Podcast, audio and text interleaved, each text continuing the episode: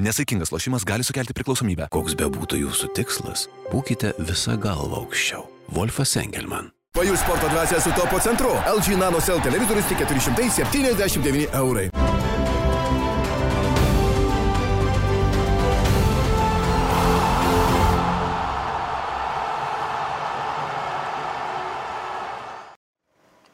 Labas rytas, skrienčio kamulio draugai, labas rytas, e, 15 min žiūrovai, šeštadienio rytas šiandien ir šiandien prasideda Europos futbolo čempionato aštuntfinalių kovos. Ta pertraukėlė buvo futbolininkams, buvo ir mums, mes jūsų pasilgom, tikė, tikimės, kad pasilgot ir jūs mūsų. Šiandien studijoje esam dviesi su Mariu Bagdonu, labas rytas Mariu. Sveikas. Tai kaip ta polisio diena tau? Ar Manau, labai reikalinga buvo? Manau, kad po tų varžybų maratono, po trijų rungtynių, o po to galiausiai ir po keturių per dieną, tai tikrai tekdavo užsinaktinėti labai ilgai, tai manau, kad ta pauzė tikrai visiems gerai išsimiego tiek mum, tiek mūsų kolegom, kurie dirba kitoje pusėje lango ir daro šitas visas laidas, tai manau, kad visiems ta pertraukėlė buvo naudinga, futbolininkam kas be ko taip pat.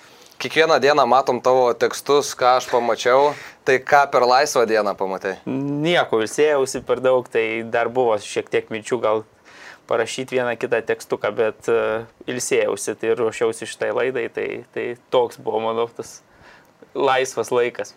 Ok, tai grupių etapas jau pasibaigęs, e, prasideda atkrintamosios, bet mes vis dėlto nusprendėm dar šiek tiek pirmoje dalyje šitos laidos, kurią remia Top Sport, pakalbėti apie tai, kas e, vyko tam grupių etape ir nusprendėm, kad taip Viską gražiai iliustruosim tokiu savo sudarytų vienuoliktuku žaidėjų, kurie mums paliko didžiausią įspūdį. Jūs, aišku, mėly žiūrovai, galite su mums sutikti, galite nesutikti, galite komentaruose rašyti, kad, na, tas ar kitas žaidėjas galbūt buvo vertesnis negu, tuos, kuriuos, negu tie, kuriuos išsirinkome mes. Gali savo vienuoliktuko Galit versiją savo pa- vienuoliktuko pateikt. versiją pateikti taip ir, ir pažiūrėsim, kiek tai sutampa ir kiek skiriasi.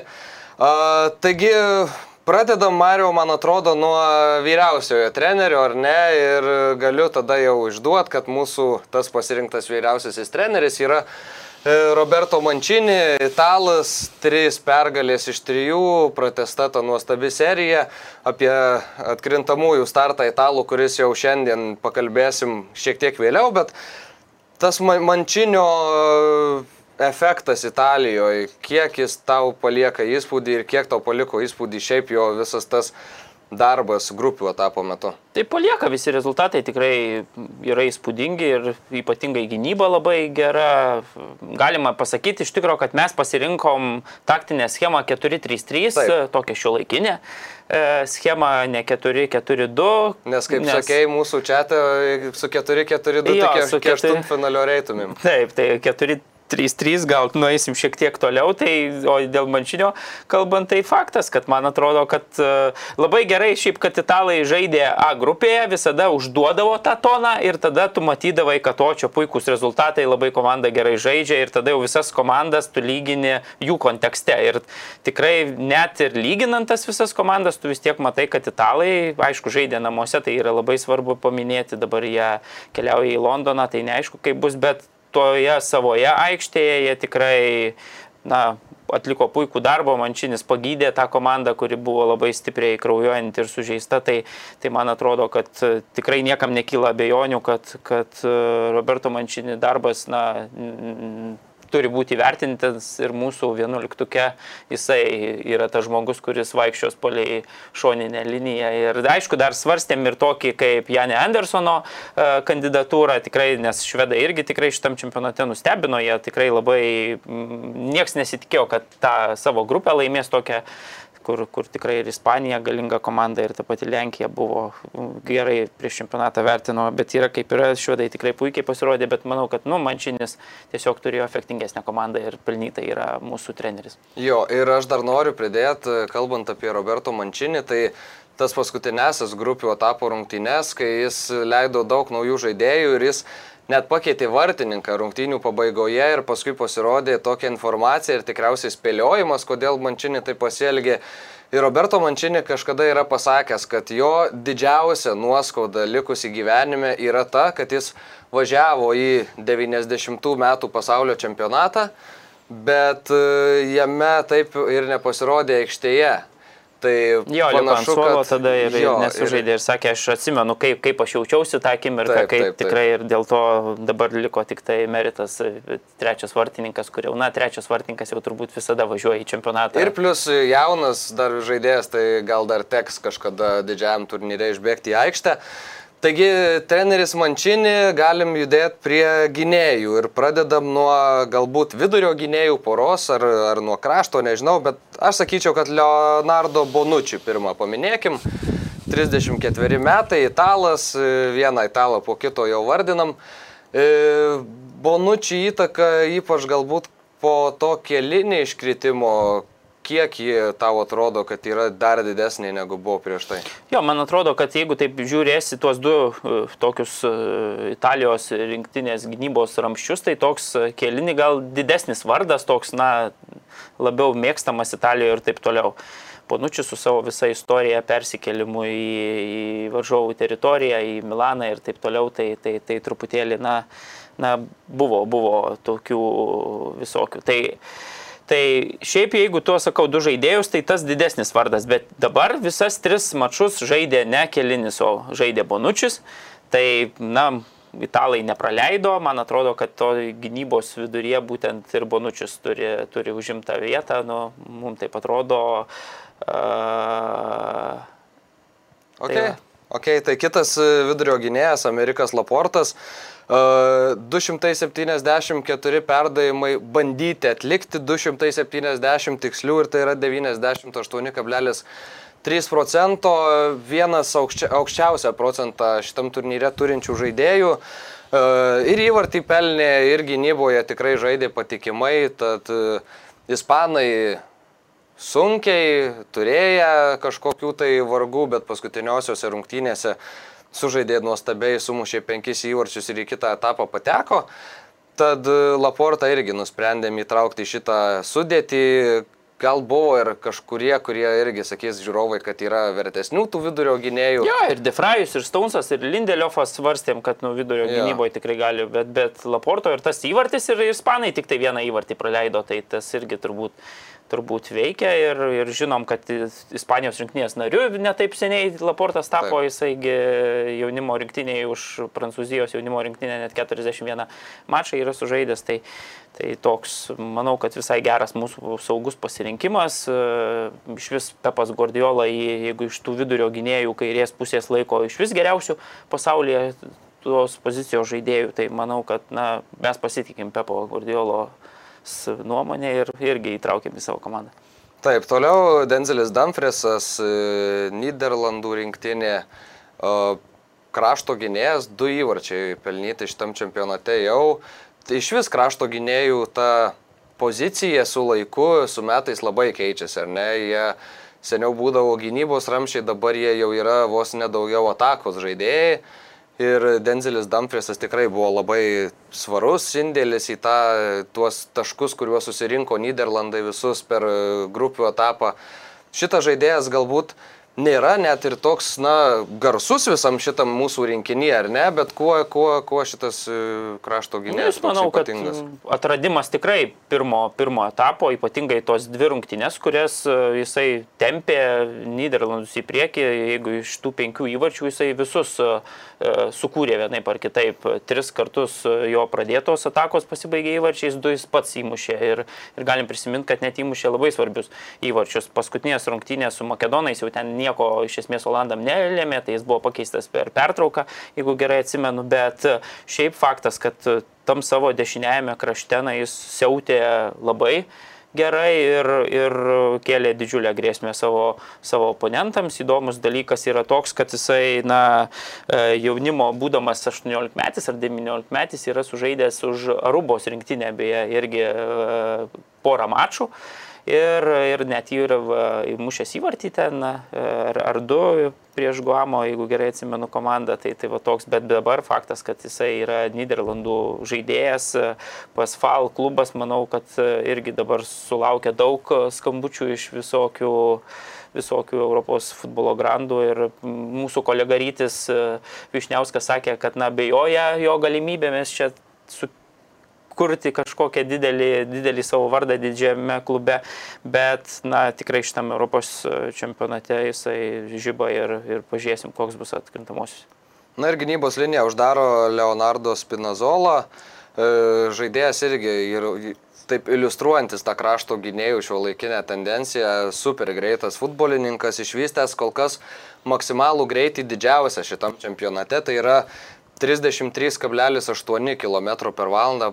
Mario, kaip tau atrodo, Kiek pats daugiausiai esi įbėgęs? Neįsivaizduoju, kaip ten matuojama, man visada įdomu, bet, bet, bet nežinau, niekada kažkaip taip. Visada įdomu, bet niekada nepasidomiu. Jo, 33,8 atrodo visai įspūdingai, tik tai Loikas Nego yra irgi vengras lygiai tokiu pačiu. Taip, ir jie du yra greičiau bėgęs jo šitam čempionate. Na, na, bet faktas, kad Spinacolos tas žaidimas, ypatingai žaidimas atakuojant, e, tikrai yra didelė vertybė Roberto Mančiniui ir labai stipriai prisidėjo prie tų Italijos Italijos rinktinės rezultatų. Šiaip įdomus toks faktas, kad šitas žaidėjas dar visai neseniai na, turėjo tokią traumų istoriją labai nemažą, buvo toks Italijoje vadinamas trapiu žaidėjų ir, ir tikrai dažnai sėdėdavo ant atsarginių suolo vien dėl to, kad tai vienokia ar kitokia trauma turi didesnė ar smulkesnė. Bet dabar forma tikrai yra šit, prieš šitą čempionatą yra puikia, tikrai aišku žaidė savo namų stadione Romoje, na, tai, tai vėl irgi tas, tas gal šiek tiek veikia, kad, kad tikrai jautėsi kaip, kaip namuose ir, ir dar apie Spinacolą reikėtų pasakyti, kad jisai yra prisipažinęs, kad puolėjų žaisdavo vaikystėje savo, na, nu, čiožyklą būdavo jo tenai, kadangi šiaurė Italijos ir taip toliau, tai čiožykloje, sako, žaisdavo puolėjų ir dėl to man tos savybės, ypatingai atakuojant, labai dabar priverčia, sako, muždavau daug įvarčių, būdamas vaikas, tai dabar, vat, matom, okay. kad... Uh, tai gynėjų linija tokia ir aišku gynyba visada dar uh, už gynėjų nugarų turim ir vartininką, tai mūsų pasirinktas vartininkas yra Robinas Olsenas, švedijos rinktinės vartininkas. Dešimt atremtų smūgių, dviejos rungtynės, per kurias iš vis nepraleistas ne vienas įvartis. Uh, paskutinysis mačas praleisti du, Bet e, švedai, kaip jau ir minėjom, tikrai nuostabiai žaidžia kol kas šitam čempionate ir išspyrė tada Lenkiją, kuriai buvo žudbutinis mūšis. Ir Olseno žaidimas, vėlgi, tų vartininkų, kurie traukė ypač tas silpnesnės komandos, kuriuos ten daužė ir daužė kažkas, buvo daug, bet Olsenas turi ir komanda, kuri nustebino ir pats savo žaidimu įrodinėja, kad vertas būti mūsų išrinktas į šitą vienuoliktuką. Kaip tau Olsenas ir kokie, kokie įspūdžiai? Ja, jeigu tuos žiūrėsim tik tai taip plika kim seivus, tai ten ir Čekiras Turkas 18 jų taip, padarė daugiau. Taip, Dimitrevskis e, e, Makedonas 14, antras pagal tas, e, tam sąraše yra, bet faktas, kad jie būtų po, ir po 8 įvarčius taip. susirinko, tai na, turbūt tai irgi daug ką pasako ir šiaip pasako turbūt, kokios buvo šitos komandos beviltiškos ir tikrai silpniausios šitam turnyre, visgi net jeigu vartininkai tiek, kad atlikę smūgių vis tiek po aštuonis įvarčius praleido, tai na, tikrai na, kiti buvo stipresni.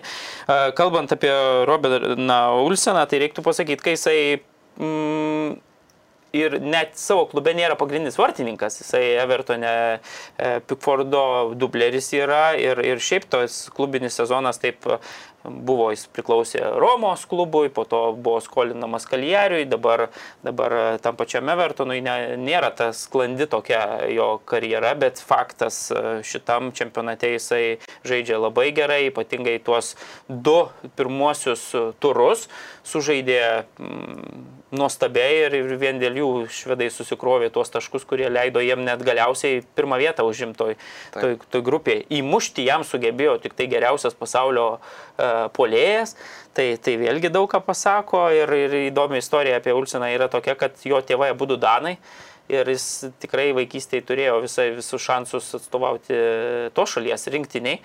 Ir buvo toks net epizodas, kai atvyko į kažkurio amžiaus grupės jaunimo komandą Švedijos ir suprato, kad tuo metu net dar neturi, neturi švediško paso. Jie tuo metu buvo oficialiai dar Danas, na, vėliau tos biurokratinius e, problemas visas pavyko išspręsti. Tai, tai, tai, va, tai gimnastika beje lankė vaikystėje, na ir čia manau, Vartininkam praverčia, Vartininkam ne? tikrai jo, tai, tai, tai praverčia. Tai, tai Ulsenas mūsų pasirinkimas toks reikia švedų, man atrodo, šitoj komandai, nes na, tikrai atrodė pirmame etape, nustebino ir atrodė gerai. Galim iš karto išduoti, kad dar vieną švedą irgi pamatysim šitoj vienuolikiai mūsų, bet šiek tiek vėliau. Saugų linija, kaip ir minėjom, 4-3-3 schema, taigi 3 saugai. Pradėsim nuo magiškojo Kevino. Kevinas Debriunė, žmogus, kuris traumą gavo čempionų lygos finale. Skilo kidobė, lūžo nosis, praleido pirmasis šio čempionato rungtynės ir buvo vėl klausimai, kaip Kevinas įeis į žaidimą, kiek jam reikės laiko į tą žaidimą įeiti, kokį apskritai jį matysime ir ar įsipaišysis iš karto į Belgijos žaidimą, kuris, na, tikrai buvo geras ir pirmosiose rungtynėse, bet Kevinas Debriunė antram mače, kai reikėjo belgam jo, jis išėjo ir jis padarė absoliučiai viską, ką, ką tik buvo galima sugalvoti. Šitas žaidėjas jau turi ir du rezultatyvius perdavimus savo sąskaito ir įvarčių pasižymėjęs, tad Kevinas, na, matom ir dar kartą, man atrodo, įsitikinom, koks yra unikalus šitas žaidėjas. Jo, man atrodo, kad gali klaustukų sukelt tas epizodas, kad na, jisai tik tai žaidė taip pusantrų rungtynių, gal Taip. net ir, ir tiek nežaidė. Tai, tai, tai yra jis vertas. Bet faktas, kad tose rungtynėse, kertinėse tose grupėse jisai išėjo po keitimo, jis padarė viską, ką turėjo padaryti, sprendė rungtynės ir, ir galiausiai belgai be jokių problemų žengė į kitą etapą. Tai na, tokio talento futbolininko mes negalėjom į savo komandą neįtraukti. Ir, ir tiesiog nebūtume suprasti. Tai, tai, tai Kevinas tikrai žaidžia, žaidžia, žais mūsų ekipoje treniruojamoje Roberto Manšinį. Ok, toliau judam, Džordžinio Vainaldumas. E, Trys įvarčiai, vienas daugiausiai beje nubėgusių žaidėjų šitam čempionate, įmant tą bendrą sumą. Jau 31,2 km per trejas rungtynes, tai vidutiniškai daugiau nei 10 km per vieną susitikimą. Šiaip daugiausiai nubėgęs žaidėjas čempionate kol kas e, ir jau yra Golovinas, aišku, jis bus aplenktas jau greitų metų, rusai išvažiavę yra namo. Vainaldomas žmogus, kuris e, palieka Liverpoolį, keliasi į Paryžiaus San Germeną. Jeigu būtum Liverpoolio klubo vadovas, ar e, būtų nagai nukramtyti po šito pasirodymo jo grupių etape, kad, na, buvo paleistas žaidėjas ir už tą nemokamai, kaip sakoma, išėjo į, į, į Paryžių. Nu, man atrodo, kad susitart ne- nelabai pavyko ir čia jau, na, tiesiog klubas suprato, kad jo nepavyks išlaikyti ir, ir, ir taip jau bus. Pats Vinaldomas prieš šitą čempionatą pasirašęs tą sutartį, žinom, kad buvo svarstymų, kad jau čia greičiausiai į Barceloną perės, tada paskutinę akimirką pasirodė, kad sutartį jau garantuota pasiūrė pasažai ir jisai perėjo į, į Paryžiaus komandą, kai tuo tarpu katalonai prašė dar palaukti ir taip toliau, bet sakė, man labai svarbu buvo pasirašyti e, tą sutartį, jisai prieš pirmasis rungtynes Europos šito čempionato tai pasakė, kad sako, kad aš galėčiau rame sąžinę, rame galvą žaisti va dabar va šitą čempionatą, jau žinodamas, kur mano bus ateitis ir taip toliau. Ir matom, kad tikrai tie trys įvarčiai va jo įmušti, reikia pasakyti, kad jis net nėra polėjas ir, Taip. ir iš saugui tai yra tikrai puikus rezultatas, taip jeigu kontekste žvelgiant, tai Olandas paskutinis, kuris įmušė tris įvarčius tokiam didžiajame turnyre, buvo Valnistelrojus ketvirtais metais Europos čempionate. Tai va tokia, tokia atkarpa didžiulė ir, ir dar šitą gali padidinti savo Vinaldumą su tą formą, kurią iš atvažiavo. Ir, ir šiaip jis tų įvarčių muša kiek 25, man atrodo, jau dabar yra įmušęs už rinktinę, tai yra didžiuliai skaičiai, kai,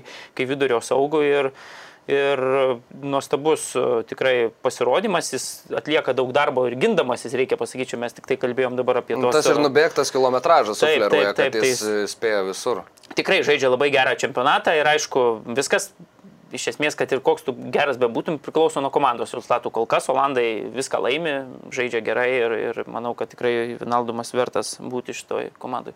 Jo, ir saugų grandį uždaro Polis Pogba. Irgi gali kilti klausimų galbūt, kodėl Polis čia yra.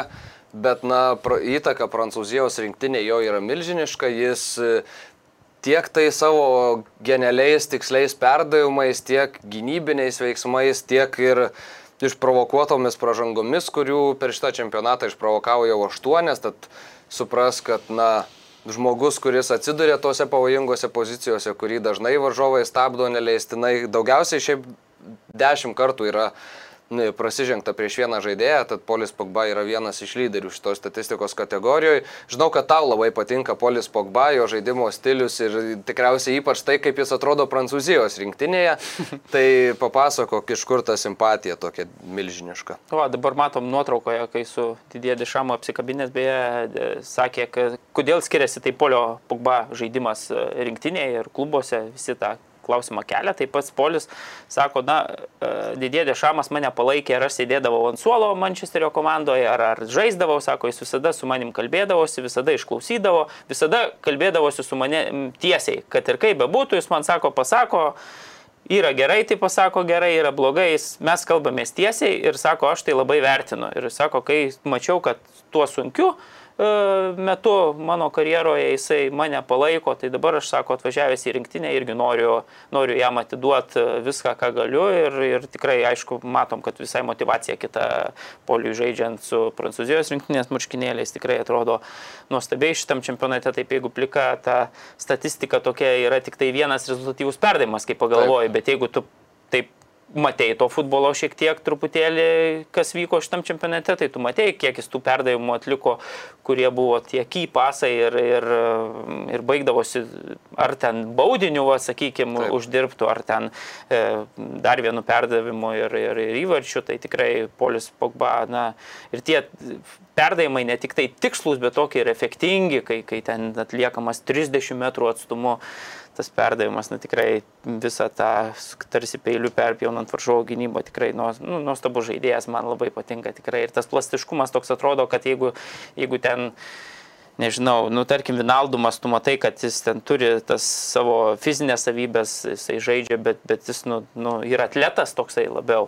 Tai, sakykime, polis toks išėjęs menininkas, toks plastikmenas laksto, jis ten mėgaujasi tuo, tuo žaidimu, toks tikrai nu, labai, labai man patinka. Ok, taigi sauga, saugų linija yra tokia. Ir polėjai, trys polėjai. Pradėkim gal nuo dar vieno švedo, Milis Forsbergas. Trys smūgiai vartų plotą, trys įvarčiai, apie švedų tą pasirodymą jau kalbėjom. Ir, na, nuostabu, sakyčiau, pasirodymas žmogaus, kai Buvo pasakyta, kad Zlatinas Ibrahimovičius nevažiuos į Europos čempionatą, buvo galvojama, kas muš įvarčius Švedijos rinktiniai, tai e, muša tuos įvarčius Emilis Forsbergas kol, kol kas ir tuos įvarčius muša labai svarbius. Pirmą mušė 11 m baudinį, tada du įvarčiai Lenkijos vartus tose paskutiniosiuose rungtynėse.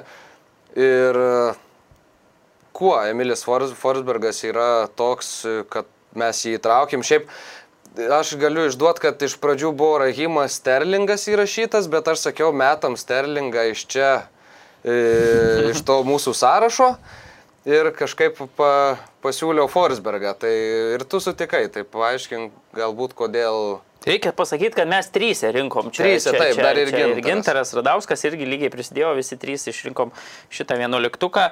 E, na, Sterlingas taip nu, įmušė tos du įvarčius, nulėmė dvi pergalės anglų, kurie, kurios ir buvo labai svarbios, bet e, Forsbergas įmušė daugiau pirmas dalykas, jisai įmušė tris įvarčius, du dešinę, beje, vieną kairę koją, tai vėlgi parodo šito žaidėjo universalumą. Faktas, kad šitoj komandoje yra jis visiškas tas varikliukas, nuo kurio labai stipriai priklauso, net tas pats Aleksandras Sisakas šitam čempionate puikiai žaidžiantis, mes jį gal prie atsarginių čia irgi įtraukėm žaidėjų. Šikas irgi va, buvo opcija į šitą vienuolikę patekti, bet, bet irgi liko tarp atsarginių depajus irgi taip pat. O, va, bus ką nuo suolo pakelt. Jo, bus pakelt per pertrauką nuo suolo. Tai, o Forsbergas, jo, šitam, šitam čempionate pagaliau parodė tas lyderio savybės, jau, jau jis, pavyzdžiui, ir į, į į 18 metų pasaulio čempionatą važiavo toks, nu, kaip, kaip komandos lyderis, bet trūko jo to tokio, na, lyderio savybių. Dabar matom, kad Zlatanui iškritus tikrai atsirado žmogus, kuris sugeba tempti tą komandą ir tempia tikrai labai gerai, švedai žaidžia puikų kol kas čempionatą ir įdomus dalykas yra tas, kad pavyzdžiui Forsbergas vaikystėje sakė visko bijojo ten pradedant musėm, vandens, nu, žodžiu, absoliučiai buvo bailus vaikis. Ir bėgant metam matom, kad na, tas, ta baimė ir važiuovams dingo ir, ir dabar jau jo, dirba, dirba tikrai efektyviai. Švedas skaitas Volvo ir, ir dabar daro, daro, daro visą žaidimą. Tai, tai, tai va, įdomus dar dalykas, kad iš Sunsvalio kilęs šitas žaidėjas ir, ir visi atsimena, kai jisai išvažiavo iš iš Malmės klubo į Leipzigą, kuris dar tuo metu beje antroji Bundeslygoje žaidė toks kuklus, buvo berniukas, nu, jaunuolis išvažiavo ir tada po kelių čia metų grįžo į tą patį Sunsvalį, didelį savo miestuką su Gucci striukė, kuri ten, pažiūrėjau, 3,5 tūkstančio, man atrodo, kainavo eurų. Tai ten vietinė žiniasklaida sukėlė tokį didžiulį ežiotažą, kaip čia dabar toks vaikas buvo paprastas ir, ir su to... Bet sakė, sugadino? Ne, bet sakė, nieko aš čia blogo nematau, jeigu man patinka šitas prekės ženklas, tai aš juo rengiuosi ir, ir, ir čia Tai va. Kada tu Mario su Gučiu striukėjai? Ne, aš, aš nesu gerbėjęs šito prekės ženklo, tai, tai paprastesnius. Gerai. Gerai. Romelu Lukaku, Belgijos rinktinės lyderis, trys įvarčiai, belgams simpatizuoju, kaip jau esu prisipažinęs ne kartą, žmogus monstras, kurį tam, kad tu uždengtum reikia, na, net ir nugarai ir vartus, kai jis stovi, jis yra milžiniškas pavojus visiems gali tave nustumt, gali apsisukt, gali įmušt, gali didelį greitį iš tikrųjų išvystyti kaip toks, na, didelis ir, ir, ir atletiškas žaidėjas. Tad Belgijos rinktinė kol kas žygiuoja puikiai, Romelu Lukaku žaidžia puikiai ir randa tuos Kevino Debriunės perdavimus, kai jų reikia muša įvarčius ir, na, man atrodo, lengvas pasirinkimas gana įtraukti Romelų Lukaku iš tą mūsų komandėlę. Tuomet, tuo labiau, kad belgai puikiai žaidžia, beje, jeigu kalbėjom apie Gucci ir Forsbergą, tai, tai galima pasakyti, kad Romelų Lukaku dabar šiuo metu yra irgi Italijos Versace mados namų tas prekinis ženklas ir Maseračio, man atrodo, dar tai, tai, tai va irgi tokia istorija, o šiaip tai Lukaku labai ta forma pagerėjo, kaip jisai sako, Interė. Ir vien dėl to, kad jis pakeitė mytybos e, dalykus, tenai jam pavyko ten tą mytybą susi, susireguliuoti, sako, kad daug valgo makaronų, daug e, salotų ir daug krūtinėlės. Ten nu, visokie patiekalai, bet šitie trys ingredientai yra labai svarbus jo mytyboje šiuo metu ir sako, kai aš tą mytybą susitvarkiau, tai man na, jaučiuosi žymiai geriau, žymiai kiečiau, nu taip, ta prasme, mhm. tiesiog fizinis kūnas jam leidžia tuos dalykus daryti, kuriuos jis tikrai šį sezoną su Milano Inter darė puikiai ir dabar Belgijos rinktiniai pratėsė tą puikią savo formą. Jo, tai po šitos mūsų laidos žiūrovai žinos, kuo renktis, ką vairuoti ir ką valgyti, man atrodo, kai išvardinsim visą vienuoliktuką. Širataki makaronai beje yra tas vat ingredientas. Kiek jau prekės ženklų, ką šiandien paminėjom šiandien? Čia širataki tai turbūt ne. Bet šiaip, ženklas, šiaip apskritai, jo, jo. Uh, ir uždarom vienuoliktuką, trečiasis mūsų puolėjas ir specialiai pasilikau šį žmogų paskutinį. Cristiano Ronaldo išly... Ką jis padarė šitam čempionate? Penki įvarčiai, rezultatyvus perdavimas, išsilygino rezultatyviausių visų laikų rinktinių žaidėjų sąraše su 119 berots įvarčių. Taip. E, Portugalijos rinktinė. 109, man. Šim, ar 109, taip. Alidėjai papaijo ir manau, kad šitam čempionate dar aplenks turbūt. Ir aplenks, aš praktiškai nebejoju. E, tada Portugalijos rinktinė galbūt galim sakyti, kad na, nebuvo kažkoks aštriausias peilis stalčiui, nes e, pateko į atkrintamasias iš trečios tik tai vietos. E, Bet prisiminkim, kokioj grupėje buvo ir tas, na, kažkas trečias turėjo lėktoj grupėje, prisiminkim, kad ir vokiečiai tik tai paskutinę akimirką į atkrintamųjų traukinį iš tos grupės iššoko. Tad e, puikus Krištijano, daug kas kalba, kada, kada tas saulėlydis ateis, bet e, šitas polėjas, jam dabar 36 metai, vis dar šiuo metu yra rezultatyviausias čempionato žaidėjas ir irgi nenustepčiau, jeigu pasimtų ir, ir šitą apdovanojimą po turnyro. Tai turbūt ir 11 smūgių, 6 į vartų plotą, 5 įvarčiai. Tai aišku, reikia sakyti, nu, iš Ir tų 5 baudinių įvarčių buvo. bau- baudiniai ten tikrai. Tai, tai, bet, bet statistika yra tokia, kad na, jis stipriai lenkia net ir rezultatyviausių žaidėjų sąraše kitus ir, ir tikrai buvo vertas šitoj 11 vėlgi. Platinio tą rekordą pagaliau sumušė ir, ta, ir ato, atotrukis vis koks. didėja, Mhm. taip, tai žinant, kad jam tai penktas čempionatas ir daugiau tokių nėra, nėra žaidėjų daugiau, tai iš vis Europos čempionato istorijoje, tai man atrodo, kad šitą rekordą su ta 14 įvarčių, na tikrai bus labai sunku sunku pakartot. Pavyzdžiui, toks, na, gerai, tai gali ten svarstyti, kad Kilienas MVP bus lygiai toks pat monstras po, nu, artimiausią dešimtmetį, bet, pavyzdžiui, šitam čempionate kol kas Kilienas tyli, mhm. nemuša tų savo įvarčių, kai tuo tarpu Ronaldovą, atsimenu, pač, pačiam pirmam tam savo čempionate 2-4, man atrodo, įmušė ar vieną ar du įvarčius. Kad visuose jisai įmušęs, tai tikrai, tai man atrodo, vieną lyg tai įmušė 2-4 metais, nu, bet Kilianas gal irgi dar įmušti čia, ne? Nes prancūzai gali eiti toli. Tai Mariau sudėliojom visą tą mūsų vienuoliktuką. Galim paminėti, kad e, ant suolo turim Kurtuą, Staunsą, Lindelę, Fašiką, Depajų, Kante, Lokotelį, Zaką ir Alabą. Galbūt jūs būtumėte traukę kažkurį iš tų žaidėjų į startinę vienuolikę, mes juos palikom ant suolo ir... Žodį Alba dar aš, jeigu Spinacolai pakeis, tai va, da, da, tokį variantą, bet, Taip. bet jo, bet visus kitus, kuriuos man, da, da, Dani Vardas dar puikiai, puikų žaidžia tikrai čempionatą Velso vartininkas, dar jeigu reikia trečio vartininko. Bet... Jo, tai mūsų tas vienuoliktukas yra toks ir e, ką, eisim po trumpos pauzės į antrą dalį ir kalbėsim apie tai, jau kas bus šiandien ir apie atkrintamųjų startą. Top sport lažybos. Nesaikingas lošimas gali sukelti priklausomybę.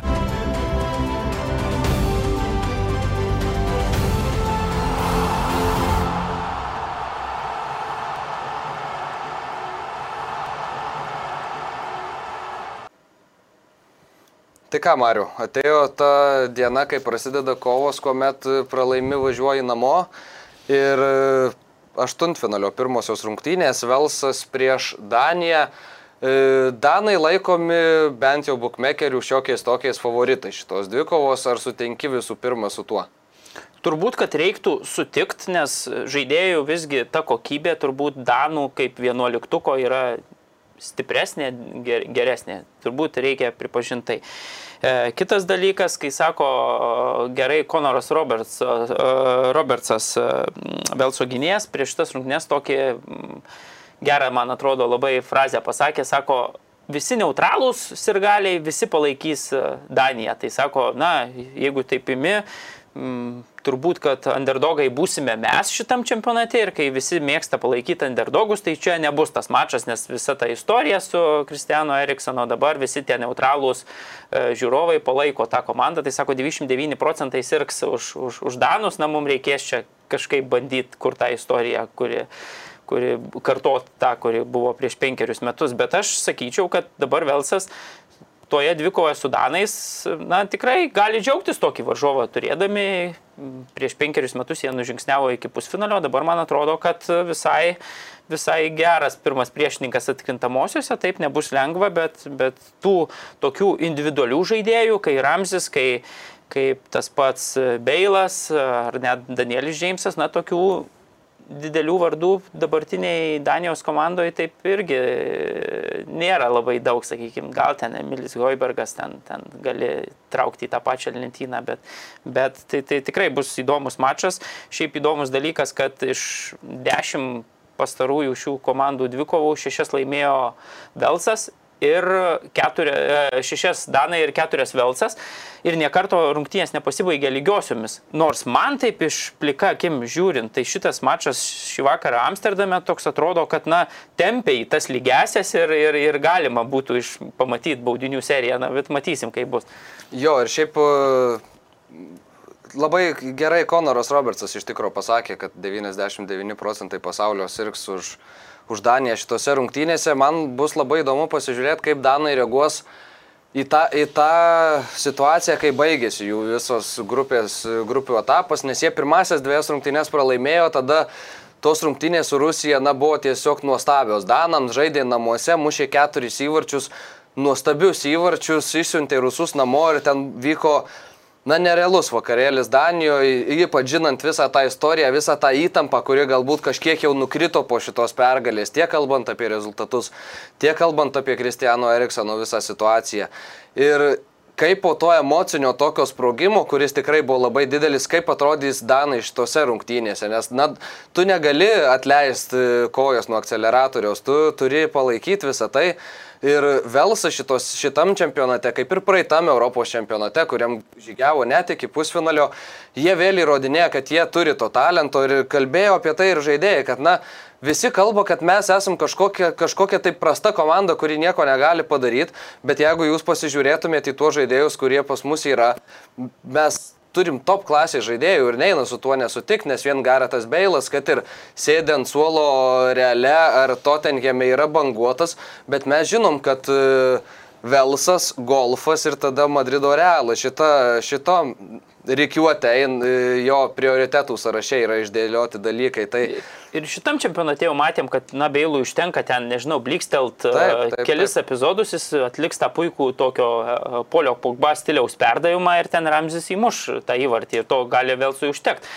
Komanda gerai ginasi, Vordas labai gerai vartose atrodo, E, netgi su tais pačiais italais, sakykime, jeigu ten šveicarai su turkais atrodė beviltiškai prieš tą komandą, tai tie e, Velso futbolininkai taip, jie pralaimėjo, taip, gal ir italai jau nebuvo tokie motivuoti ir taip toliau, bet tik tai 0-1 ir, ir ta gynyba tikrai nėra tokia, tokia prasta Roberto Peidžo komandos, tai, tai, tai man atrodo, kad visai, visai bus. Robertas Peidžas prieš šitą mačą irgi sakė, kad, na, jeigu taip vertini Danus pagal paskutinių rungtynių tą visą paveikslą, tai tada tikrai tai atrodo labai galinga komanda, bet, na, neaišku, kokia jinai bus. Tai va, tas, sakau, bus labai įdomu pasižiūrėti, kokia bus Danija šitose rungtynėse. Ir dar kitas aspektas, kur, kuris sukėlė labai daug šaršalo Velse, kad, na, gyventojai iš Velso negali keliauti į Amsterdamą ir palaikyti savo komandos, tad tos raudonosios sienos mes nematysim. Gal bus kažkokių pavienių sirgalių, kurie atvyks. Ir teko Velso BBC puslapyje skaityti tokią istoriją, kai keli Velso gyventojai atvyko į Amsterdamą, bet jie atvyko ne iš Velso, o atvyko iš Baku, Azerbaidžiane. Ir, na, kai atvyksti iš Baku, tau nereikia savizoliuotis, jeigu atvyksti iš Velso, tau reikia, bet pasienyje buvo pamatyta, kad jie yra Velso piliečiai ir sakė, su mumis elgėsi kaip su kokiais nusikaltėliais. Mus nusivedė į tuos oro uosto kambariukus, tardė, klausinėjo, kodėl mes čia esame ir panašiai. Kitas dalykas yra apie Danijos komandos ir galius. Tai irgi negali sakyti, kad jie gali atvažiuoti ir, ir, ir būti ten uh, Olandijoje, bet uh, jie gali atvykti į šalį ir joje išbūti 12 valandų. Na, tai įvažiuoji, nuvyksti į rungtynės, po rungtynių vyksti kažkaip tai namo. Tai tokia yra situacija su sirgaliais ir aš nebejoju, kad Danų Amsterdame bus, e, na, pilnas stadionas, gal viena kita Velso vėliava ir pasimatys, bet Danai tikiu vėl žais lyg namuose. Ir jo labiau, kad tas atstumas nuo, Taip, taip, sakykime, taip. iki Amsterdamo yra nuo Kopenhagos visiškai e, niekinis. Ir šitam čempionate Danai vėlgi visas tas trejas namuose žaidė savo rungtynės, net ir prieš rusus, paskutinės jie žaidė savo, tai dabar neaišku, kaip jie išvažiavę atrodys, kaip tas suveiks. Kai tuo tarpu Velsas, nu, po visą Europą ir ne tik e, nuo Romos iki Bakų skraidžiojo, čia dabar, dabar vėl į viršų, tai, tai tikrai, man atrodo, tai irgi dar na, didelis pranašumas Danams, bet e, Velsos yra komanda labiau užgrūdinta, man atrodo, ir kelionių, ir tų visų tokių rūpešių, ir netgi, netgi aikštėje, man atrodo. Gerai, ir pabaigai, nežinau, gal pateikim kažkokius savo spėjimus, kaip baigsis tos dviejos, pavyzdžiui, šiandienos rungtynės, tai pradėkime aišku nuo šitų, o kai kalbėsim apie italus austrus, tada jau irgi užbaigsime kažkokiais savo spėjimais. Tai jeigu tau reikėtų, Mario, spėt, kaip vėl baigsis Velsas Danija. Na, Nu, aš sakau, 1-0 laimės Danai. Gerai, o aš sakau, kad 2-1 laimės Velsas, nors, kaip ir teisingai sakė Konoras Robertsas, na, Danų neįmanoma nepalaikyti šitam čempionate, bet, na, pastumus viską į šoną. man kaž, aš kažkodėl tikiu Velsu ir man patinka tas jų naglumas, tas jų pasitikėjimas savimi. Danai gali būti, manau, ir emociškai kažkiek išsikvėpę ir pasėdę po to viso, kas įvyko grupių etape. Ir šiaip psichologiškai Velso niekas jau ne, neslėgė. Nebeslėgė. Komanda, taip. ta Jie prasme, pasiekė, jau- ką, ką- reikėjo. jo, nes kaip ir sakė, mums išeiti iš tos grupės buvo užduotis, nes išėjimas iš grupės buvo taip, Italija pirma, o visa kita yra 50 ant 50. Ir Velsas parodė, kad jis buvo tikrai vertas tos antros vietos, ten be, be šansų varžovams kitiems grupės. Tai Na, aišku, Danai irgi į atkrintamasias po 17 metų tik tai pateko pertraukos. taip, o Velsas ėjo iki pusfinalio Taip, tai čia taip, 2016. kaip pažiūrėsi, bet... Tai va. Aišku, ta, tas Velso žygis iš vis buvo kažkoks stebuklingas, sakykime, bet e, tiek tikriausiai apie šias rungtynes ir antrasis e, mačas šiandien Italija-Austrija. E, Favoritas aiškus, italai, sakom tikriausiai ir mes, ir bukmekeriai tą patį. Austrų matėm geras tikrai rungtynes prieš Ukrainą tas rungtynes, kurias jiem būtina buvo sužaisti gerai ir e, ka, tam, kad patektų į aštuntfinalį. Italai nužygiavo taip, kad pasižaidė jau visi, išskyrus tą trečiąjį vartininką, kaip ir minėjom laidos pradžioje. E, Žaidžia futbolą nuostabų, serijos e, nepralaimėtų rungtynių 30, sausų vartų ten 10 ar 11, bet, kaip sakė Austrų treneris, visos serijos kažkada baigėsi. Tai ar gali būti, kad italų serija taip apmaudžiai nutrūktų? Turbūt visko galima tikėtis, futbolas jau toks žaidimas, bet aš manyčiau, kad visgi italai vis tiek ryškus favoritai ir tik tai nuo jų priklauso, ar jie žengs toliau ar ne. Jeigu jie patys sugebės susideginti, tai tada Austrai turės šansų. Bet sužaidė taip, kaip jie sužaidė paskutinės rungtynės, taip drausmingai, ta komanda tikrai kokybės turi, žinom, kad jos daugumą žaidėjų žaidžia Bundeslygos klubuose, ten vaidina svarbius vaidmenys, ne, ne yra kokie nors atsarginiai, tai tikrai ta komanda gali nustebinti, bet italai manau, kad e, tikrai visa klase kol kas yra aukštesni ir, ir šiaip bus įdomu labai Roberto Mančinį tie visi sprendimai dabar pasirinkimai, aikštėje. nes Gerai, ką leisum, Veratė ir Lokotelį? bent jau pats turbūt Mančinis irgi Italijos žiniasklaidai taip užsiminė, kad na, e, Veratis tam trečiam mače parodė, kad visgi jisai yra starto žaidėjas. Taip, na, užsiminė Mančinis, taip Tai mes pasakė. teisingai padarėm, neįtraukdami Lokotelį. Jo, mes svarstėm Loko- Mes svarstėm, Lokotelį, bet, bet- kaip ir Mančinis nusprendėm, kad yra vertesnis. Jo, tai kadangi treniruoja Mančinis komanda, tai tai ir... ir Viskas logiška. Tai, tai turbūt, kad Veratis žais, jisai tam čia tikrai atrodė nuostabus, atliko ir perdavimą, ir, ir ta mažoji pelėda, kaip jis vadinamas Italijoje, tikrai, na, na, vertas, manau, žaisti startinė vienuolikė, ypatingai tokius svarbius mačius ir šitam, manau, kad jisai žais. Gali būti, kad Lokotelis ten gal nuo suolo pakils, neaišku, kaip tos rungtynės klostysis. Tai, bet bendrai visas tas kontekstas dabar tai yra ten serija 30 e, nepralaimėtų rungtynių ir, ir tikrai manau, kad e, Visi nori, kad tas būtų rekordas sumuštas. Ten Vitorijo Poco, kuris laimėjo 304-308 metais pasaulio čempionatus 2, tai, tai Italijai. Tai aš manau, kad visi tikrai nusteikia bent jau šitą barjerą tikrai peržengti. Žinom, kad kitame etape jau ten jų laukia tikrai belgai su portugalais ir ten jau taip lengva nebus, bet šitą žingsnį prieš Austrus, manau, jie turi turi žengti, beje, gali būti 12 pergalė iš eilės ir tai vėlgi toks is- istorinė žyma e, Italijos futbole yra tik tai Ferudžio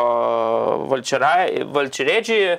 Treneris 12 rungtynių irgi laimėjęs iki šiol ir, ir jisai 68 metais Europos e, čempionu e, tapo ir po dviejų metų, po to 70 metais pasaulio čempionato finale žaidė. Tai matom, kad jau kai tokias serijas tu pradedi fiksuotai, kažkur nueini toli. Tai, tai, tai, tai čia manau, kad visai įkvėpimui yra gerai dabartiniai Italijos rinktiniai, tai, tai bus, sakau, įdomu, bet man atrodo viskas tik tai nuo, nuo pačių italų priklauso taip, gali ten dar problemų dėl tų visų, kaip čia, raumenų, kurias e, turi ten, sakykime, Džordžio Kelinį ir taip toliau, neaišku, jis ten galės ar ne, bet rotuojant sudėti bus, bus tikrai galvos skausmų, bet jisai malonus turbūt galvos skausmas, Taip, taip, toksai gerai, kai tu turi tiek žaidėjų, iš kurio Ir teko italų spaudą šiek tiek pasiskaitinėti šiandien ryte ir Na, italai akcentuoja, kad teisėjaus Anthony Tayloras, žmogus, kuris yra teisėjavęs italams tris kartus Italijos rinktiniai, pralaimėjimas lygiosios ir pergalė. Ir beje, jis teisėjavo tose rungtynėse 2020 spalį, kada paskutinį kartą italai praleido įvartį.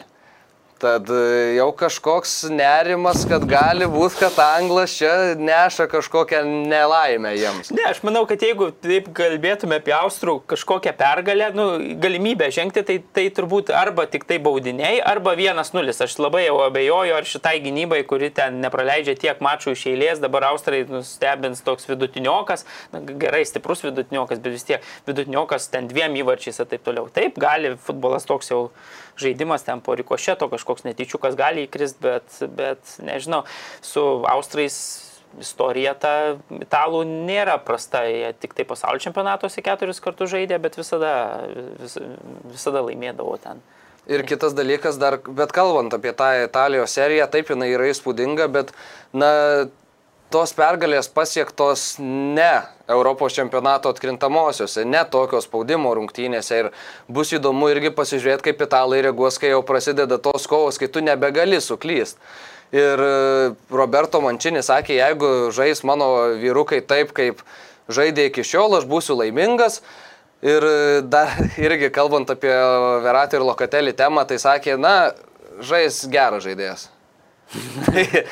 Supras, kad kažkuris iš jų bus, o kuris tai pamatysim. Beje, Marko Fodos, austrų trenerio tėvas yra kilęs iš Venecijos, toks įdomus uh, faktas. Ok, tai baigiam tada, man atrodo, ir šitą dalį. Dar prognozuokim, ką. Pro, taip, dar užbaigiam prognozę. Tai aš tai, prognozuoju 2-0 tokią saugią pergalę. Gerai, na tai man reikėtų šaut kažką truputį paįvairinimui, tai aš sakysiu, kad per pratesimą italai laimės 2-1. Ir ką, antra dalis baigta ir dar trumpa pauzė ir išgirsite klausimą, į kurį atsakę galėsit laimėti prizą. Top sport lažybos. Nesaikingas lošimas gali sukelti priklausomybę.